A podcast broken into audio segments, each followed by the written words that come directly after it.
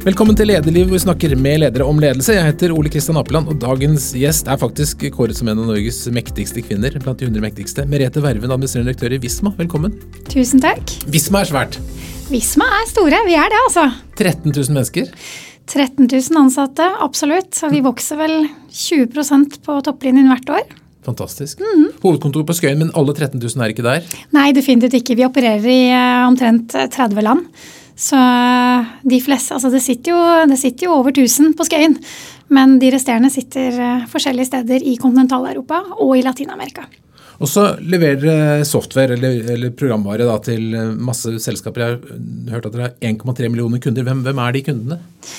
De kundene de er helt fra små mikroentreprenører, eh, små hjørnestensbedrifter, eh, opp til store selskaper. Eh, vi leverer både i privatmarkedet og til eh, offentlig virksomhet, kommuner eksempelvis i Norge. Og det handler stort sett om regnskap? Eller økonomi? Det handler eh, om økonomi og regnskap, hvordan du skal drive businessen din godt. Så alt som er business admin, ERP, HRM, eh, det leverer vi antagelig så vil jeg tro at de fleste som hører på Lederliv, er da kobla til Visma på en eller annen måte gjennom et eller annet system? Det håper jeg jo.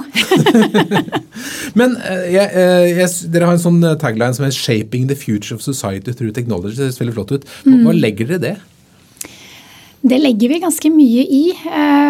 Hvis du bare går tilbake til da Norge og verden stengte ned som et resultat av covid, så hadde vi jo da godt over én million kunder på det tidspunkt. Vi var jo vant til å jobbe virtuelt, men det er det mange av våre kunder som ikke var. Så i den perioden så måtte vi jo hjelpe alle kundene eh, å håndtere eh, sin business, for det er jo det vi egentlig hjelper til med, da.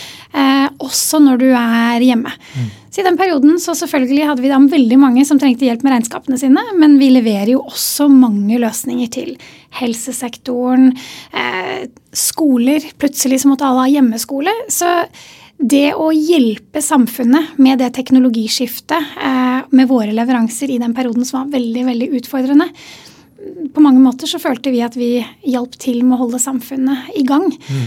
Og det gjøres gjennom teknologi nå i den verden vi lever i, hvor vi skal kunne jobbe eh, hvor som helst, når som helst. Eh, det er veldig effektivt. Og det er også veldig holdt på å si, familievennlig i tillegg. da, At man faktisk kan jobbe litt hvor som helst fra, og når det passer. Men da må du være i skyen, og da må du ha kommet ganske langt innenfor teknologiverdenen. Mm. Dere har kunder masse steder, masse land. Hvordan er vi i mm. Norge i forhold til resten av verden på å ta i bruk teknologi? Vi er gode. Veldig, veldig gode. Eh, I, i Visma så er det som du sier, da, vi har jo hovedkontoret vårt i, eh, i Oslo. Og vi har i veldig lang tid eh, hatt eh, stor virksomhet i Norden. Og Norden går jo for å være Silicon Valleys eh, eh, svar på, altså i Europa. Mm. Eh, så det at vi er så langt fremme, og det er jo ikke så rart, fordi lønningene i Norge og i Norden Man kommer ut, og, og, og lønningene er ganske høye. Mm. Og da er man nødt til å investere mye i teknologi, slik at man er effektiv, produktiv. Eh, slik at bedriften går rundt. Og det å bruke den kunnskapen vi har med hvor langt vi er fremme i teknologi i Norge i de andre landene som vi opererer i, det er et kjempefortrinn. Bare sammenlignet med Spania så ligger kanskje Spania fem-seks år bak oss igjen. Mm. Mm. Men er, er, er, på en måte Norge ferdig eh, digitalisert, eller har vi mye å gå på når det gjelder å effektivisere oss? Vi har mye å gå på. Jeg vil si Hvis du ser på småbedriftene, der er jo de aller fleste løsninger de er jo nå i skyen. Det er effektivt. Vi lærer stadig mer. Men med en gang du kommer til eh, større eh, systemer, eh, offentligheten, der er det absolutt mer å gjøre. Og det er jo fordi at man har mye mer legacy med seg, mm. som man skal ha med seg også opp i, i, skyen. Så jeg vil si vi har kommet langt, men vi har langt mer igjen. Så de små er faktisk foran de store? Innen det området, innen teknologien, så vil jeg si ja. Hvilke bransjer er du tenker at det er mye å gjøre på mer som håper å si, brukerprogramvare smartere? da? En, altså de nye vertikalene har jo vokst frem. Eh, da covid slo til, så gjorde jo vi et eh, teknologibyks på tre uker som ellers ville tatt samfunnet ti år. Og et eksempel er jo eiendomsbransjen, real estate. Det er jo en ny vertikal som vokser opp nå, hvor veldig mye tidligere var manuelt, som nå du kan gjøre gjennom din egen software. Du ser konstruksjon, altså dette jeg vil si at software-markedet det blir jo bare større og større. Fordi mer og mer blir automatisert. Så alle de kjedelige oppgavene som man kan egentlig trykke på en eh, datamaskin for å håndtere, eller for den saks skyld på mobilen, eh, det prøver man å automatisere, slik at eh, vi som jobber, kan bruke tiden vår på, på vanskeligere ting som man ikke får programmeren til å fungere. Jeg merker som småbedriftseier at uh, software blir stadig større og større kostnad. Ja, ja. Fins det noe tall på hvor stor del av liksom, kostnadene i store bedrifter software faktisk er nå? Altså det man vet, det er jo veldig variabelt. Litt avhengig av hvor du står. Mm. Men det man vet, er at den blir en større kostnad. Eh, og så fordelen med det er at du ser at man trenger, eh, man trenger ikke like mange hender på det man gjorde tidligere, og så kan man bruke hendene til mer verdiskapende arbeid. Så kostnaden øker, men produktiviteten øker desto mer enn kostnaden. Og det er jo det som er viktig. Det at man i sum gjør det bedre som bedrift ved å bruke software, eh, det er jo det som er helt avgjørende. Du kom jo da inn som, som toppleder i Visma omtrent samtidig som pandemien. Da. Det gjorde jeg. Hvordan var det? Heldigvis så hadde jo jeg jobbet i Visma lenge før jeg ble konsernsjef. Så jeg begynte jo i Visma i 2011, eh, og så ble jeg da konsernsjef i 2020. Eh, jeg hadde da sittet i konsernledelsen i ni år. Så det hadde vært veldig utfordrende, vil jeg si, eh, hvis jeg ikke kjente organisasjonen, kjente menneskene. Eh, for det er ganske vanskelig å bli kjent med folk når ikke du kan faktisk fysisk møte dem. Mm. Men ettersom jeg hadde det i bagasjen min, så, så gikk det tålelig greit, vil jeg si. Eh, samtidig så skal jeg innrømme at vi er jo sosiale vesener. Så det å sitte og være konsernsjef fra kjøkkenbordet med tre barn eh, hjemme fra skolen, hjemmefra, en hjemme fra barnehagen, være mamma, være lærer og styre et konsern eh, Det var ikke kjedelige uker, kan jeg si, eh, men det har gått veldig bra. Mm. Både med medarbeiderne våre, for det er jo noe vi måler og følger med på. altså Medarbeiderengasjementet har faktisk økt også under hele perioden, selv om vi ikke traff hverandre. Um, og vi har klart å sørge for at kundene våre også har klart å gjennomføre den endringen som de var nødt til da, fra en dag til en annen. Hvis vi skal se litt på veien din til, til den topplederstolen, da, så kan vi jo starte helt i barndommen. Ja. Du, du, du levde første årene dine i Amerika? Det gjorde jeg. det gjorde jeg. Pappa han eh, jobbet i Conoco, så vi reiste veldig mye rundt. Så ja, født i Houston, og så har vi Vi bodde i Sverige, i Norge, tilbake igjen til, til USA. Og så plantet vi litt mer røtter i Norge da jeg var omtrent elleve år. Mm. Hvilken fordel gir det deg å ha vært litt sånn internasjonalt barn? Fordelen er kanskje at jeg fra veldig tidlig av hele tiden måtte tilpasse meg nye mennesker, nye kulturer. Eh, så jeg ble relativt sosial og interessert da, i de ulikhetene. Og så gikk jeg jo på noen smeller. Eh, I sørstatene så ble man jo blitt behandlet som en liten dukke. Jeg eh, var vant til at gutta dro ut stolen for meg. Da jeg kom til Norge, så dro gutta ut stolen for at jeg skulle falle. så man fikk jo lære seg noen endringer underveis også, men, men jeg tror det at jeg fikk det fra tidlig barnshav og hadde og fanget interesse for det, har også hjulpet meg i den internasjonale lederjobben jeg også har i dag. Da. Mm. Mm. Så har du en litt morsom eh, miks av utdanning. for du, du, har det som jeg venter at du vil ha. Siviløkonom og master i internasjonal ledelse. Men du har også, det ligger også et grunnfag i psykologien her. Mm. Hvordan passer det inn? Jeg var nok veldig tidlig interessert i tall og det å kunne sette to streker under et svar. Jeg syns det er spennende å måle ting. Så det er som du sier, da. Jeg tok jo økonomiutdannelse og tok eh, og fordypte meg i finans. Men samtidig så har jeg alltid syntes det har vært veldig spennende med mennesker. og Derfor så tok jeg denne internasjonale ledermasteren og psykologi og grunnfag i tillegg. For kombinasjonen av det å fokusere på å sørge for at du har riktige mennesker på rett sted til rett tid. Hvor mye verdiskapning du faktisk får av det. Den kombinasjonen har alltid interessert meg. Og det er nok litt bakgrunnen for utdannelse, men også egentlig karriere underveis også. Mm. Mm. Og så, i det jeg leste CV-en din, så kom jeg på noe som jeg nesten hadde glemt, og det var jo eh, um, Enron-skandalen. Det er noe ja. som veldig mange unge lyttere kanskje ikke har hørt, men altså 2002. Du var i Arthur Andersen, eller Arthur Anderson. Yes. Eh, og hva skjedde så? Fortell litt om det for de som ikke husker det. Det var veldig spesielt. Eh, jeg begynte jo rett etter studiene i Arthur Anderson, og det er som du sier, for de som ikke kjenner til det, så var det på det tidspunkt jeg gikk ut fra studiene, så var det Big Five. Hvor Arthur Anderson var ett av de fire, eller fem store. EY, eh, e Deloitte, den gjengen der. Um, og da vi begynte i det selskapet, så satt de med på den tid Statoil, altså nåtidens Equinor og Telenor, de hadde alle de store selskapene. Jeg følte at jeg gikk til den tryggeste arbeidsplassen ever. Og så kom Enron-skandalen, hvorpå det da var noen revisorer i USA, i Arthur Andersen, som makulerte, eh, makulerte en del viktige dokumenter. De ble tatt for det. Eh, Enron var jo da et energiselskap i USA, og det gikk over ende.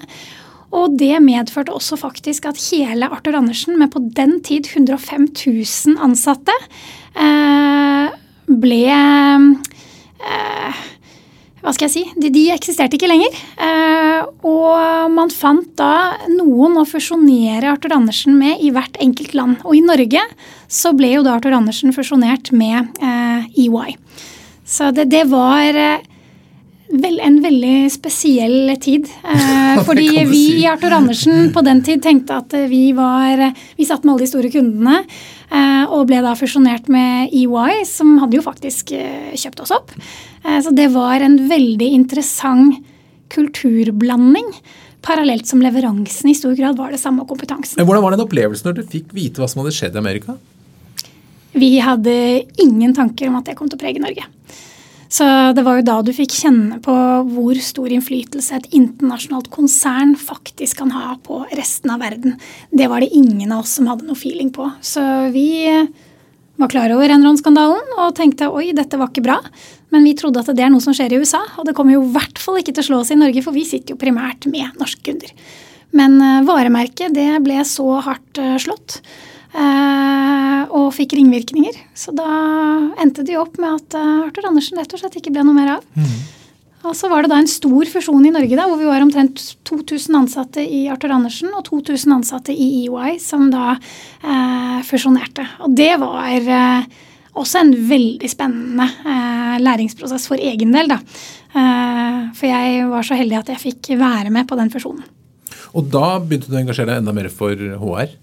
Ja. Eh, før, eh, før, fusjonen så hadde jeg jobbet som eh, finansiell ledelseskonsulent. Og så hadde jeg jo en periode hvor jeg jobbet for Økokrim mm. på Finance Credit-skandalen. Mm. Sammen med Erling Grimsgaard. Det var kjempegøy. Og så kom fusjonen, og da ble jeg spurt om jeg kunne bidra til å analysere, for det var jo det jeg hadde jobbet mye med, de ulike styrkene til henholdsvis EY eh, e og Arthur Andersen i, eh, i, Norge, og hvordan vi kunne skape et nytt image både for å rekruttere nyutdannede, men også samlokalisering langs 26 kontorer. Um, så da ble jeg med på, på det. Syns det var kjempespennende. Og så etter hvert hvor mye verdi vi klarte å skape der hvor samlokaliseringen var god. Og hvor utfordrende det var å få det til å gli der hvor samlokaliseringen ikke var så god. Mm. Og da var det enkle svaret som var mønsteret hele veien, var om eh, de ulike lederne eh, fant en fin vei sammen, eller om de ikke gjorde det. Og hvor hardt det faktisk slo resultatene. Mm. Så da fikk jeg en veldig stor interesse for dette med å sørge for at man har riktige ledere, riktige mennesker på rett sted, og hvor mye verdiskapning eller verdiforringing da, du kan få som et resultat av det. Så da gikk jeg eh, over fra det å være konsulent til å eh, jobbe i HR. Eh, jeg var første på det tidspunkt som gikk fra linjen og over da til en mer administrativ rolle, da, som de, som de kalte det. Så mm. det var veldig utradisjonelt. Og det var flere partnere som sa til meg at det var et veldig dårlig karrierevalg, fordi det var veldig vanskelig å gjøre karriere i HR. Og så har det jo skjedd veldig mye i HR eh, etter den tid. Eh, vi endret jo i løpet av den perioden også eh, hvordan man jobbet med HR. Jeg jobbet sammen med et kjempedyktig team i EY på å jobbe mye med proaktivt med HR enn reaktivt. Eh, og hvor mye verdiskapning du kan ha ved å ja, jobbe på den måten. da. Mm. Snakke mer om det. Jeg bare lyst til å ikke slippe både, altså, både Enron og Finance Credit er jo sånne legendariske case hvor store selskaper har vist seg at det var ikke så bra på innsiden som mm. det så ut fra på utsiden. Ja. Kan det fortsatt skje? Er, systemene bedre nå, eller, eller tenker man at liksom vi, det, det ikke, altså, er vi forbi det punktet, eller kan det fortsatt skje slike ting i dag? Det kan jo definitivt fortsatt skje. Eh, absolutt. Det at eh, noen eh, gjør en dum handling for å prøve å komme unna med noe de burde ha sett tidligere, det kan jo fortsatt skje. Hvis du tenker på Finance Credit-skandalen, så har vi jo i Norge lært veldig mye når det gjelder rollen til styret. En av årsakene til at det gikk så langt, var jo at de hadde profilerte styremedlemmer i det selskapet. Som gjorde at man ikke stilte like mange spørsmål og gravde like dypt som det man kanskje burde ha gjort i den perioden. Og det ble det jo store endringer på etter Finance Credit Skandalen. Så det kan fortsatt skje, men jeg opplever jo hele tiden at hver gang en så stor skandale skjer, så lærer man, og så gjør man endringer. Heldigvis. Mm, mm. Du er ikke redd for at det skal skje hvis Visma? Nei, altså vi er jo 13 000 ansatte. Jeg har ingen følelse om at det skal kunne skje i Visma, nei. Men du eh, kom inn på, Det er interessant det du sier med HR og det å slå ting sammen. For det å slå sammen ting er jo på en måte kanskje noe Visma virkelig er kjent for. Det Dere er, mm. må jo være norgesmester eller europamester i oppkjøp. Hvor mange, mange, selskaper er det som har blitt kjøpt opp og putta inn i Visma? Altså Hittil i år eh, så har vi kjøpt 32 selskaper. Og i fjor kjøpte vi 42.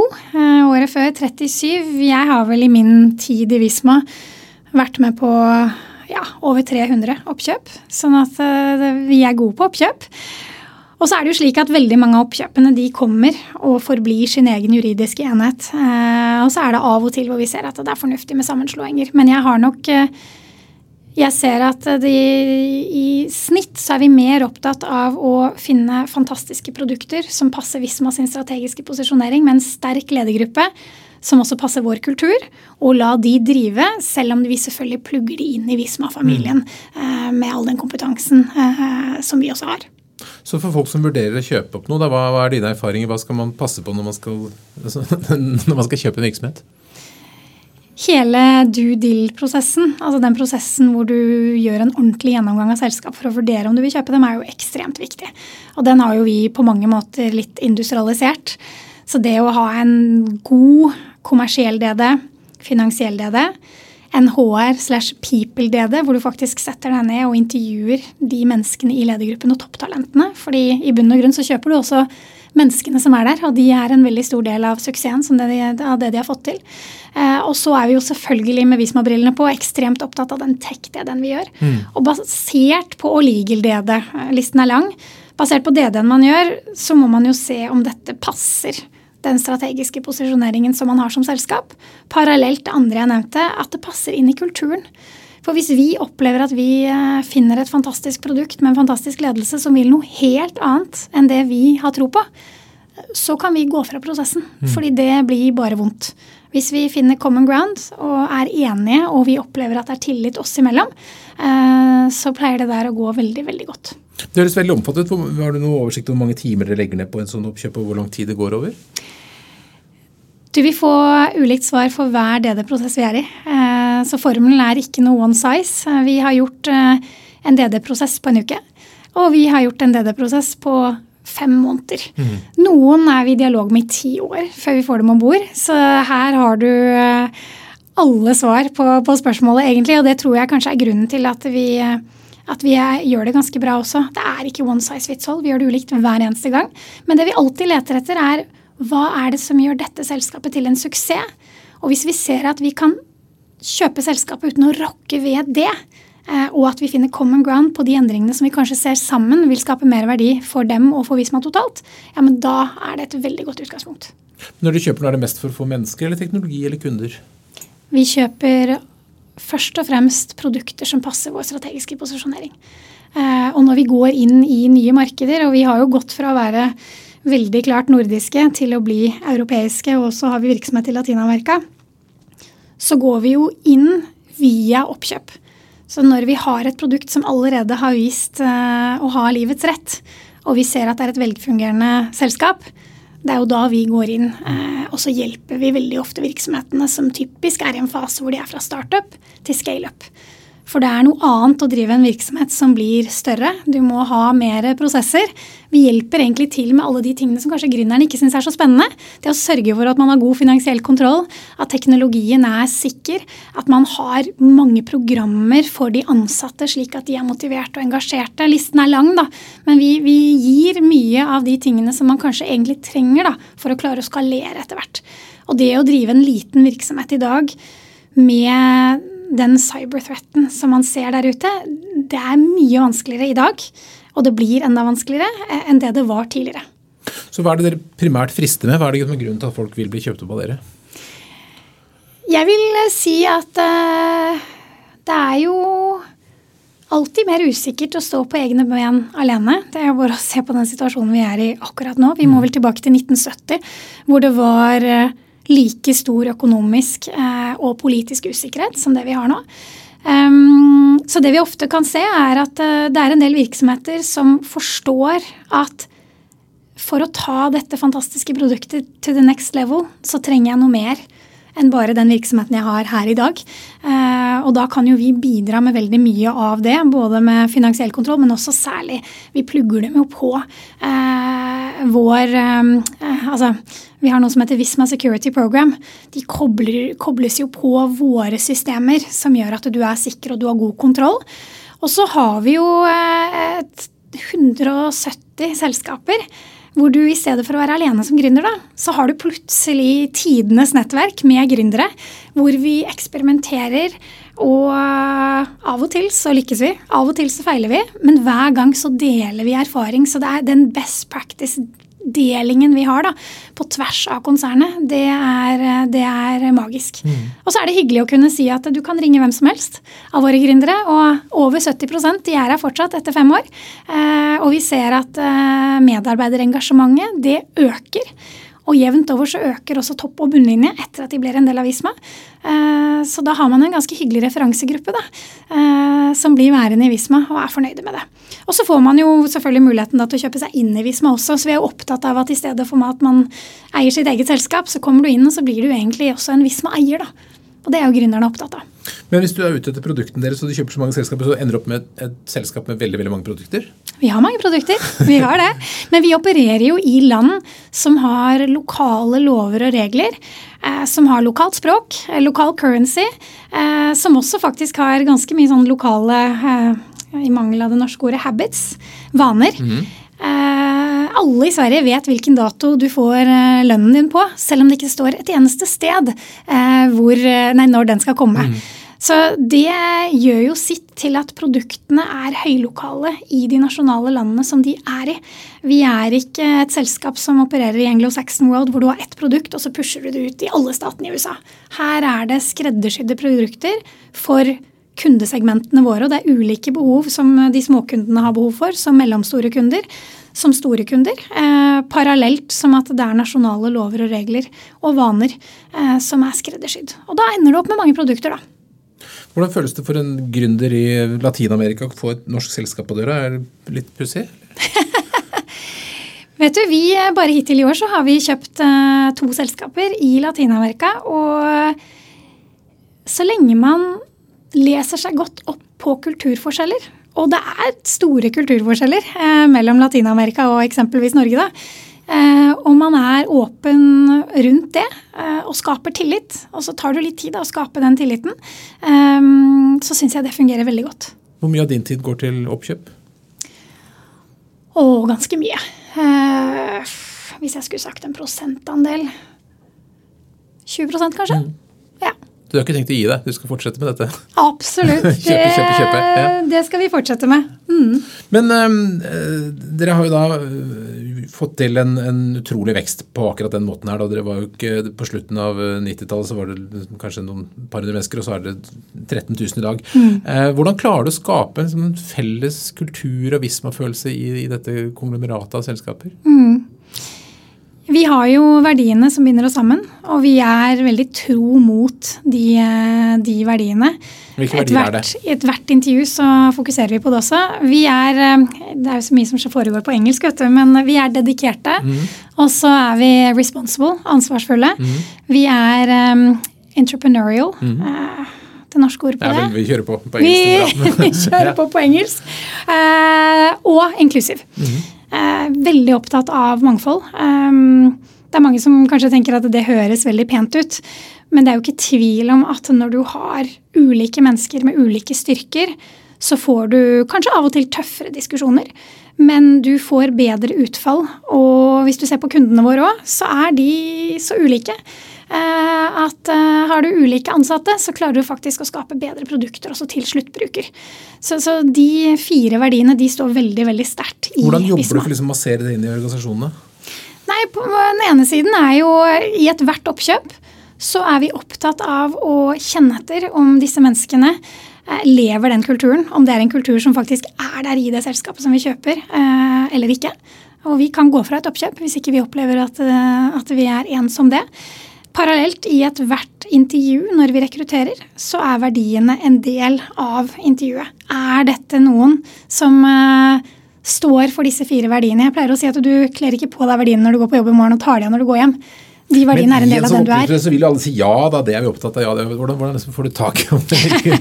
du må jo aldri stille direkte spørsmål hva du leter etter. Nei. Det handler jo om å snakke rundt. Mm. Uh, fordi det er som du sier, spør du er du innovativ? Ja. Så er jo svaret ja. ja. Eh, men det handler jo om å gå i dybden på å finne ut hva har vedkommende gjort som underbygger at de er innovative. Hva har vedkommende gjort som viser at du er dedikert, og at du viser respekt for dine ansatte, og at du er inkluderende. Mm. Hvis man snakker om at man er inkluderende, men så treffer du medarbeiderne, og alle er nøyaktig like gamle av samme kjønn og har kanskje gått på samme studie, så sier det kanskje mer om at det er ikke mangfold i den bedriften enn noe annet. Så det er rett og slett å lete etter fakta. Eh, og ikke stille de spørsmålene, for da får du de svarene som de tror er riktige. Når du da gikk på eh, for, i, midt i pandemien da, som toppleder, mm. eh, hadde du en liksom klar plan for hvordan du ville oppfattes og oppleves som leder av alle disse 15 000 ansatte?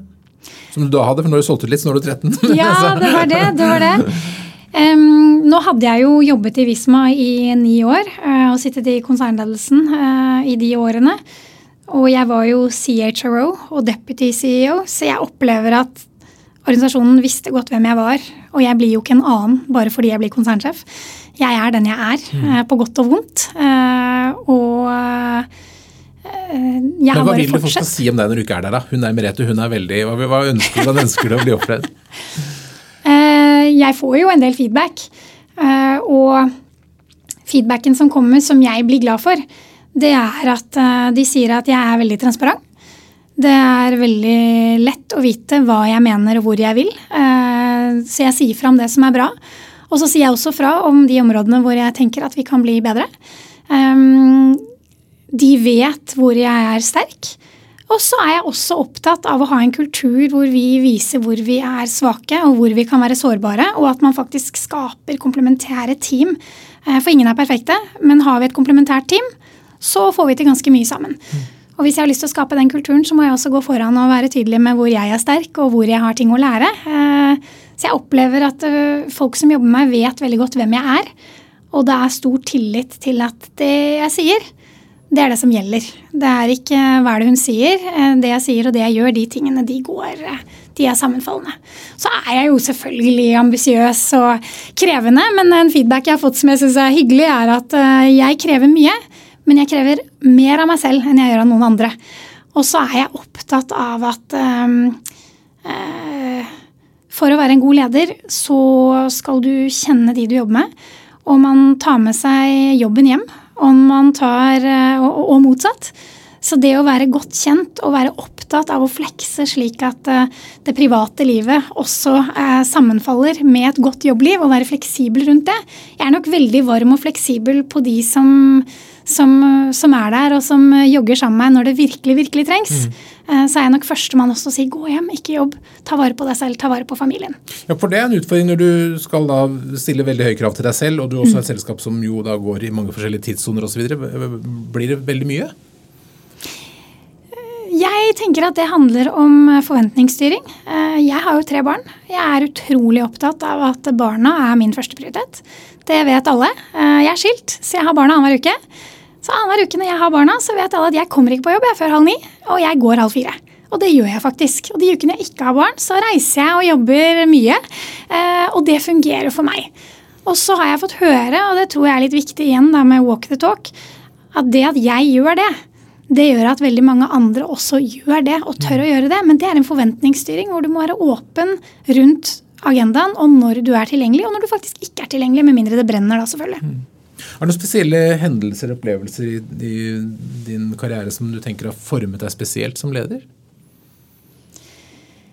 Ja, det er jo mange ting som former deg som, som leder. Eh, jeg har hatt gleden av å ha veldig mange dyktige ledere. Og så har jeg lært mye av dem. Og så har jeg også hatt uh, et par dårlige ledere. Og da har jeg kanskje også lært uh, hvor, hva slags leder jeg ikke mm. ønsker uh, å, å, være. Så det å hele tiden følge med på hva andre gjør, og hva slags påvirkning det har på deg, det har jo hele tiden formet meg som leder. Du skal slippe å navngi de dårlige lederne, men hva, hva, slags, hva, slags, egenskaper er du redd for å ha? Sånn, hva er det du ikke vil være? Jeg liker å være en leder som gir veldig mye spillerom. Eh, jeg har full tillit og gir fullt ansvar inntil det motsatte er bevist. Og da trekker jeg inn, for det skal ikke misbrukes. Jeg tror Hvis jeg skal gå tilbake og tenke på en av de lederne som, som jeg ble utrolig imponert over på et veldig tidlig tidspunkt i karrieren, så merket jeg meg at det var en leder som alltid fikk det beste ut av alle medarbeiderne sine. Uansett hvor ulike de var, og hvor, hvor vanskelig kanskje jeg syns noen av de av og til var, så fikk eh, han det beste ut av alle sammen, inkludert meg. Og jeg kjente selv hvor mye jeg var villig til å gjøre, og hvor glad jeg alltid var når jeg jobbet sammen med han. Uh, uansett om det var kveldstid eller hva det nå enn var. Og det jeg merket meg veldig tydelig, var hans evne til å tilpasse sin atferd til hvert enkelt individs behov. Og hvor mye engasjement og glede da, du kan få ut av medarbeidere hvis du faktisk er på deres banehalvdel. Og det har jeg vært veldig opptatt av senere som leder. Det å faktisk tilpasse min egen atferd, ikke til mine behov, men til behovene til de som er rundt meg. Og det er ulikt. Noen har behov for mye oppfølging, eh, og at, man, at, de opplever at du blir sett hele tiden. Andre vil gjerne få lov til å bare gjøre jobben sin og ha noen sånne quick eh, eh, check-ins av og til. Og det å kjenne etter og, og, vite hva de behøver, og ikke minst bli så godt kjent da, at du kjenner styrker og svakheter, så du kan hjelpe dem rundt og være en suksess, det, det har jeg lært mye av de gangene som jeg kanskje ikke nødvendigvis har hatt like god erfaring med, med, ledere, er jo kanskje når man opplever at eh, det er en skjult agenda. At man ikke sier eh, At man ikke sier det som det er, da. At man pakker det inn. Eh, det syns jeg Det er aldri positivt. Og veldig ofte så handler det kanskje mer om lederen som syns det er ubehagelig, mm. Enn eh, en at man bare tør å, å, stå i det. Og så har jeg faktisk veldig stor tro på at du kan formidle ethvert budskap, uansett hvor tøft det er, så kan du formidle det på en human måte og vise respekt. Eh, og det er jo det man hele tiden skal jobbe for, da. Mm. Mm. Nå er det ganske vanlig at uh, toppledere kommer fra et annet sted i ledergruppa, sånn som, som, deg, men det er ikke så veldig ofte det er HR. Nei, det har du rett i. Hva tenker du det gjør med deg at du kommer fra den siden? Jeg tror at vi har alle våre styrker, og kanskje en av mine styrker er at jeg er veldig engasjert i å lete etter styrkene til de jeg har rundt meg, og bygge på de styrkene, og heller bygge et komplementerende team rundt dem. Og hvis du klarer å få folk til å jobbe med det som er deres styrker, så er de utrolig flinke på å levere også. Så det å tenke ut av boksen øh, og lage disse teamene, og ikke egentlig være veldig opphengt i den typiske historiske boksen, det tror jeg er, er en, av mine, en, av mine, styrker. Og så er jeg jo glad i, også med min bakgrunn, selv om jeg kommer fra HR, så har jeg alltid vært opptatt av hva skjer på topp og bunnlinje. Mm. Når du har dette menneskefokuset. Eh, og man trenger jo begge deler eh, for at det skal være en, en, en, styrke i arbeidssammenheng. Og jeg er jo glad for å se utviklingen innen HR, at det er en, eh, det er en driv. Eh, det er fantastisk at gode resultater korrelerer med engasjerte mennesker som har det bra. Eh, det nytter ikke å bare ha blide mennesker uten at, man, uten at man på en måte har noen gode leveranser også. De to tingene henger heldigvis i hop. Mm. Så, så det, det, er nok min styrke. For å snakke om noe helt annet. Yeah. Dette er noe som heter Uh, European Cyber Security Month. Mm -hmm. uh, IT-sikkerhet, hva, hva, hva, betyr det at det har en sånn måned? Hva skjer i den måneden? Vi, vi som jobber jo med dette hver dag, uh, kontinuerlig alle måneder. Men jeg er glad for at man hvert år har en Cyber Security Month hvor det er særskilt fokus.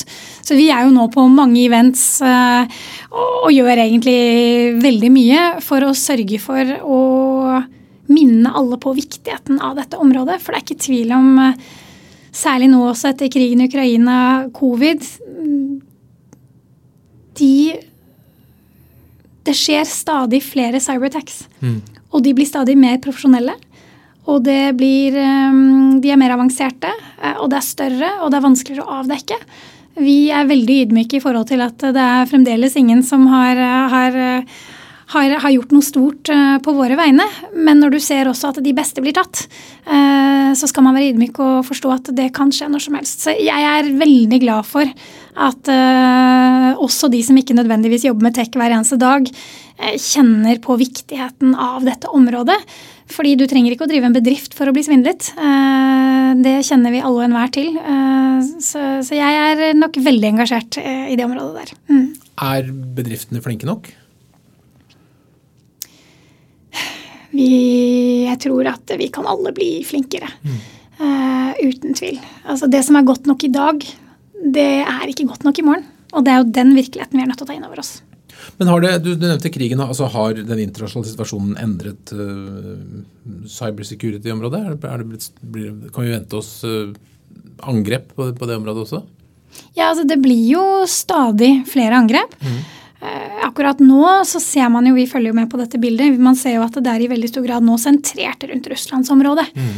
Eh, selv om cyberattackene de, de foregår jo eh, til stadighet likevel. Men eh, jeg tror det er viktig å monitorere dette kontinuerlig. Mm. Og mønsteret er tydelig. Det blir stadig mer. Så det må man bare ta inn over seg. Og hvor, Hvordan påvirker det dere? Betyr det at det blir en stadig større del av deres jobb å lage programvaren da sikrere?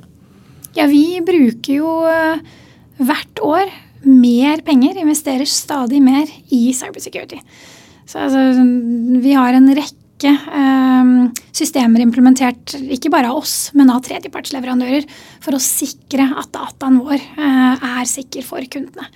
Og det er jo noe vi kan gjøre som et stort konsern, som kanskje er vanskeligere da, når man er et, eh, et, eh, et, lite selskap som står alene. Da har du gjerne ikke de musklene, mm. eh, og heller ikke de musklene kanskje til å kunne rekruttere noen av de beste på området.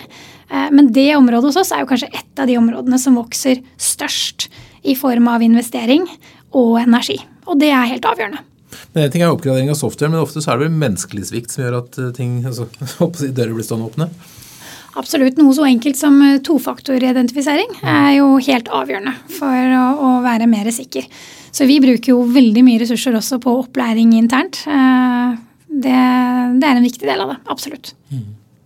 Helt til slutt, eh, Merete, Hvis det kommer en ung person til deg og gjerne vil bli ja, toppsjef i Visma eller noe ja. annet, hva er de tre viktigste lederrådene du vil gi?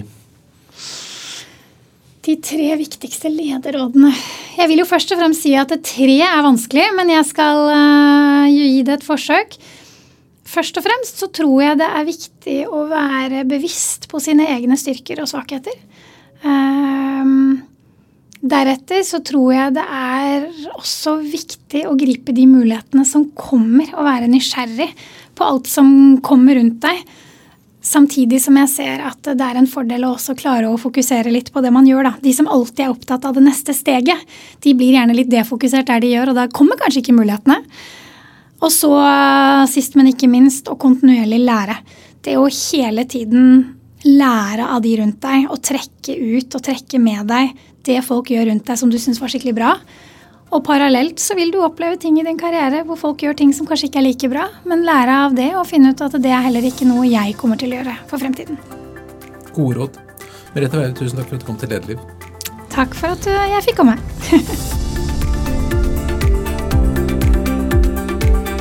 Lederliv er en podkast fra kommunikasjonsbyrået Apeland. Vi legger ut nye episoder hver eneste fredag. Redaksjonen består av Ingrid Hogneland, Lars Volden, Lars Jarli Melum og meg, som heter Ole Kristian Apeland.